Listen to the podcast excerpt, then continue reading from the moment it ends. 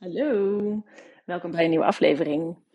Ik, ehm, ik heb, op dit moment ben ik niet zo heel veel hier online met een nieuwe podcast. Dat komt omdat ik heel druk ben met het creëren van mijn nieuwe bedrijf. Wat, ik helemaal, wat helemaal klopt en wat helemaal tof is. En, ehm, maar waarvoor ik ook heel veel voorbereidend werk aan doen ben. Heel veel opschrijf. Heel veel, um, nou ja, bijvoorbeeld de, de, afgelopen week een bedrijfsnaam uh, verzonnen. En nou, heel veel aan het voorbereiden ben van nou, dit, dit wil ik gaan aanbieden. En uh, hier, ja, dat, daar ben ik heel druk mee. En als je mij volgt op Instagram, dan kan je dat, dat proces best wel goed volgen. Maar ik vond dat niet, klopt voor mij niet helemaal om dat hier, om daar hier over te podcasten.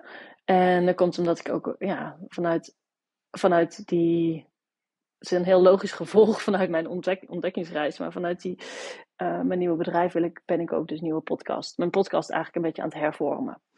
Um, maar vandaag, ik vond het wel belangrijk om, uh, om dit even te delen. Wat er, wat er gisteravond eigenlijk gebeurde. Want ik heb een uh, verdiepende sessie gehad op, op mijn human design. En um, Katelijn Brouwers, die begeleidt mij eigenlijk.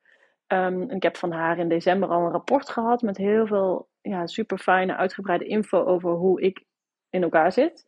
Ik herkende me daar ontzettend in en dat voor mij, was voor mij ook een grote toestemming om eigenlijk te, te voelen van, oh, dit is dus wat ik van binnen voel. Deze urge, deze ambitie, deze, um, deze wens, dit verlangen, wat ik maar onderdruk omdat ik te maken had met heel veel dingen als uh, heel veel angst en heel veel beperkende gedachten.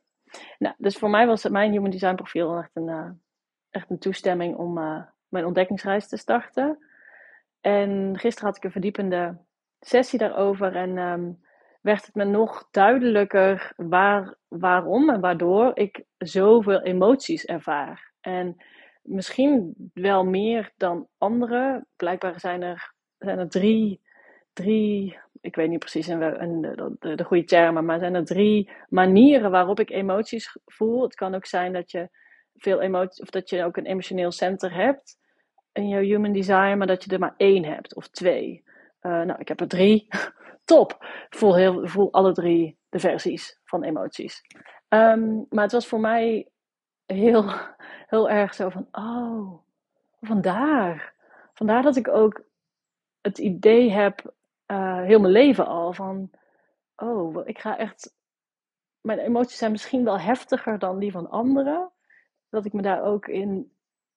Um, mezelf daarin niet begreep.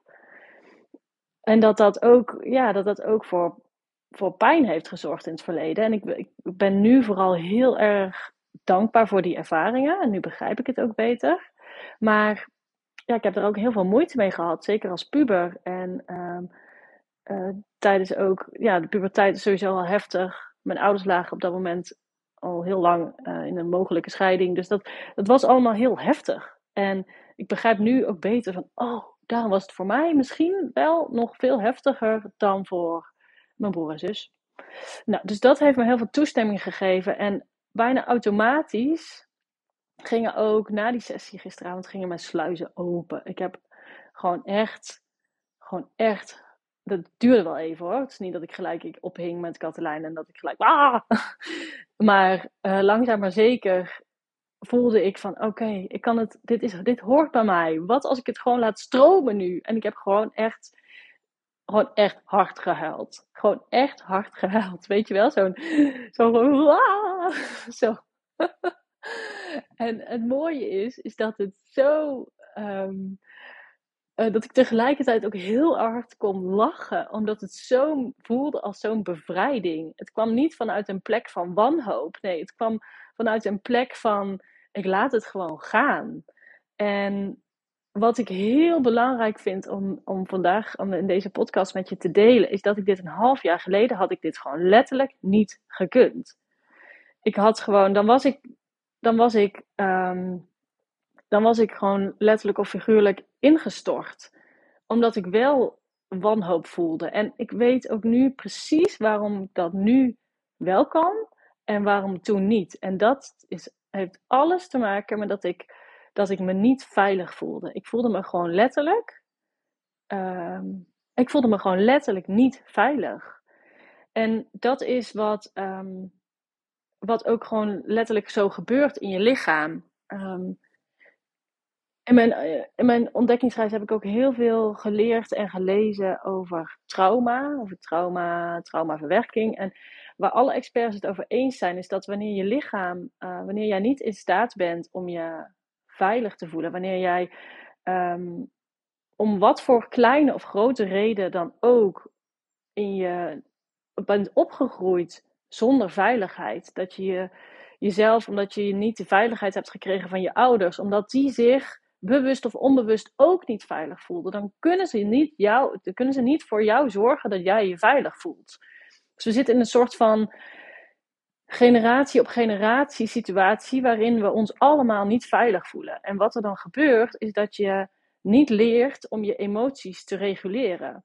Want wanneer jij je niet veilig voelt, en denk maar eens aan, de, nou ja, dan komen we weer terug bij de holbewoners. Als je het idee hebt dat je constant bedreigd wordt door een wolf die buiten jouw grot uh, woont, dan, dan kan je je niet helemaal laten gaan. Dan kan je niet, want wat er gebeurt als je je helemaal laat gaan, is dat je je heel kwetsbaar opstelt. Je bent niet in staat op dat moment om te vluchten, om te gaan rennen, om, om, om jezelf te redden als je als die wolf die grot binnenkomt. Dus je systeem kan gewoon letterlijk niet die emoties aan. En dat is wat er nog steeds gebeurt in onze huidige, huidige maatschappij ook.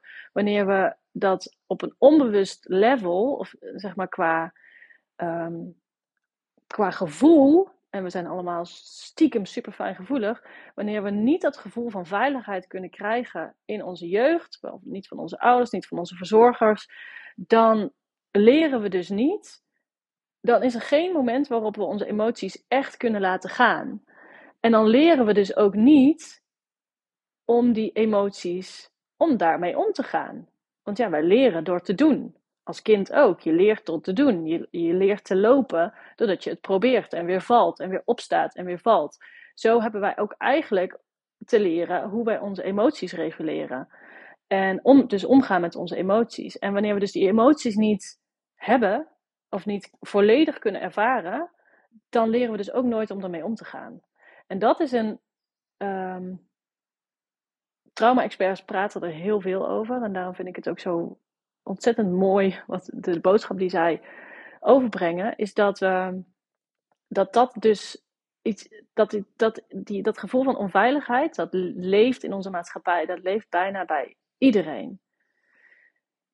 En um, bij iedereen komt dat op een andere manier tot uiting. De een heeft daar meer moeite mee, last van dan de ander. Nou, ik had er onbewust had ik er last van, maar ik wist niet dat dat speelde bij mij. Ik heb, best, ik heb echt, ik ben voor mijn gevoel best wel veilig opgegroeid. Ik heb echt geen vervelende jeugd gehad of zo. Natuurlijk waren er dingen, waren er, zijn er dingen gebeurd die, die uitdagingen met zich mee hebben gebracht. Maar verder, ik ja, ben niks tekort gekomen in mijn jeugd. Dus ik had nooit gedacht dat ik zo'n ook een gevoel had van onveiligheid. En nu ga ik het even heel praktisch voor jezelf maken, voor, voor jou maken. Is dat je bij jezelf gewoon super makkelijk kan checken of jij je veilig voelt. En ik vind dit ook echt iets. Um, ik vind het, en dat, dat emotioneert me ook, met al mijn emoties. Ik vind dit echt een verantwoordelijkheid, zeker van elke ouder, maar ook eigenlijk van iedereen om bij jezelf te kunnen checken of jij je veilig voelt. Want dat is, dat is een, een startpunt om te kijken van oké, waarom voel ik me dan niet veilig? Um, en er zijn, dus, er, het, het is super makkelijk. Ik kan, kan het je niet in deze podcast helemaal precies uitleggen, maar dat is dus wat ik met mijn biotensor doe. Dat is wat je kan doen als je, als je weet hoe je op je onbewustzijn, hoe je informatie kan halen uit je onderbewustzijn. Als je weet hoe je kan communiceren met je onderbewustzijn.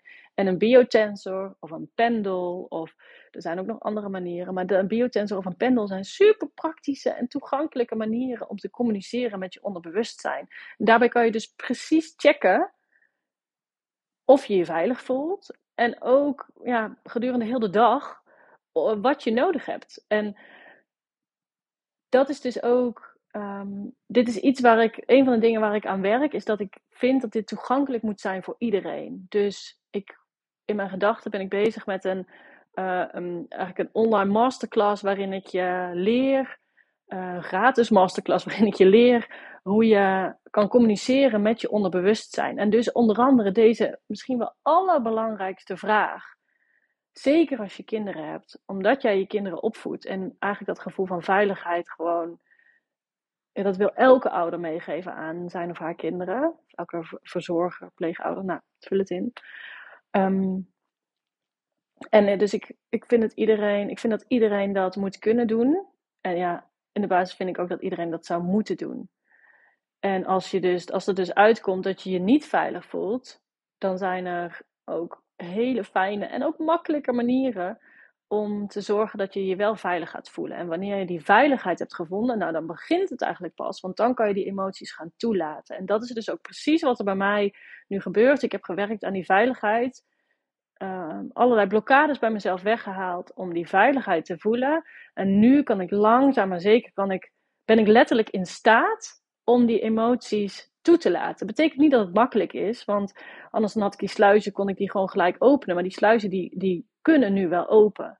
En die konden, die konden gewoon letterlijk niet open. Mijn systeem kon het gewoon letterlijk niet aan. Mijn systeem had gewoon echt, het, eh, is er dan gewoon van overtuigd dat ik zou, dood zou gaan. Dat is dus gewoon letterlijk wat er in je systeem gebeurt. Als ik al die sluizen openzet, ik voel me niet veilig, ik zet wel al die sluizen open, dan krijgt jouw systeem wordt gewoon overspoeld.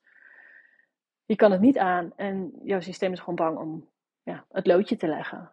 Dus zo belangrijk is het. Ja, dit is even heel dramatisch gebracht, maar dit is wel, dat is even nodig.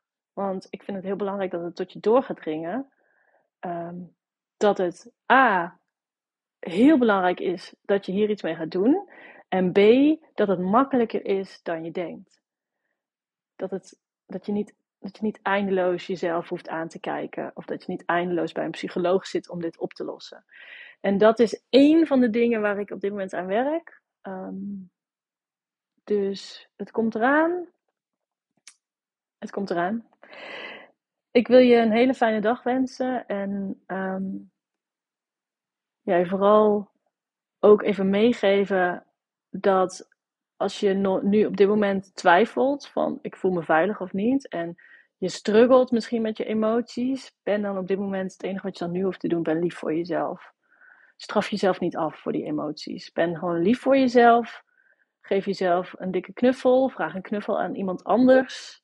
Uh, ook al, nou klinkt het misschien weer heel dramatisch, maar ook al is het een kleine emotie. Um, nou ja, ben lief voor jezelf. Tot snel.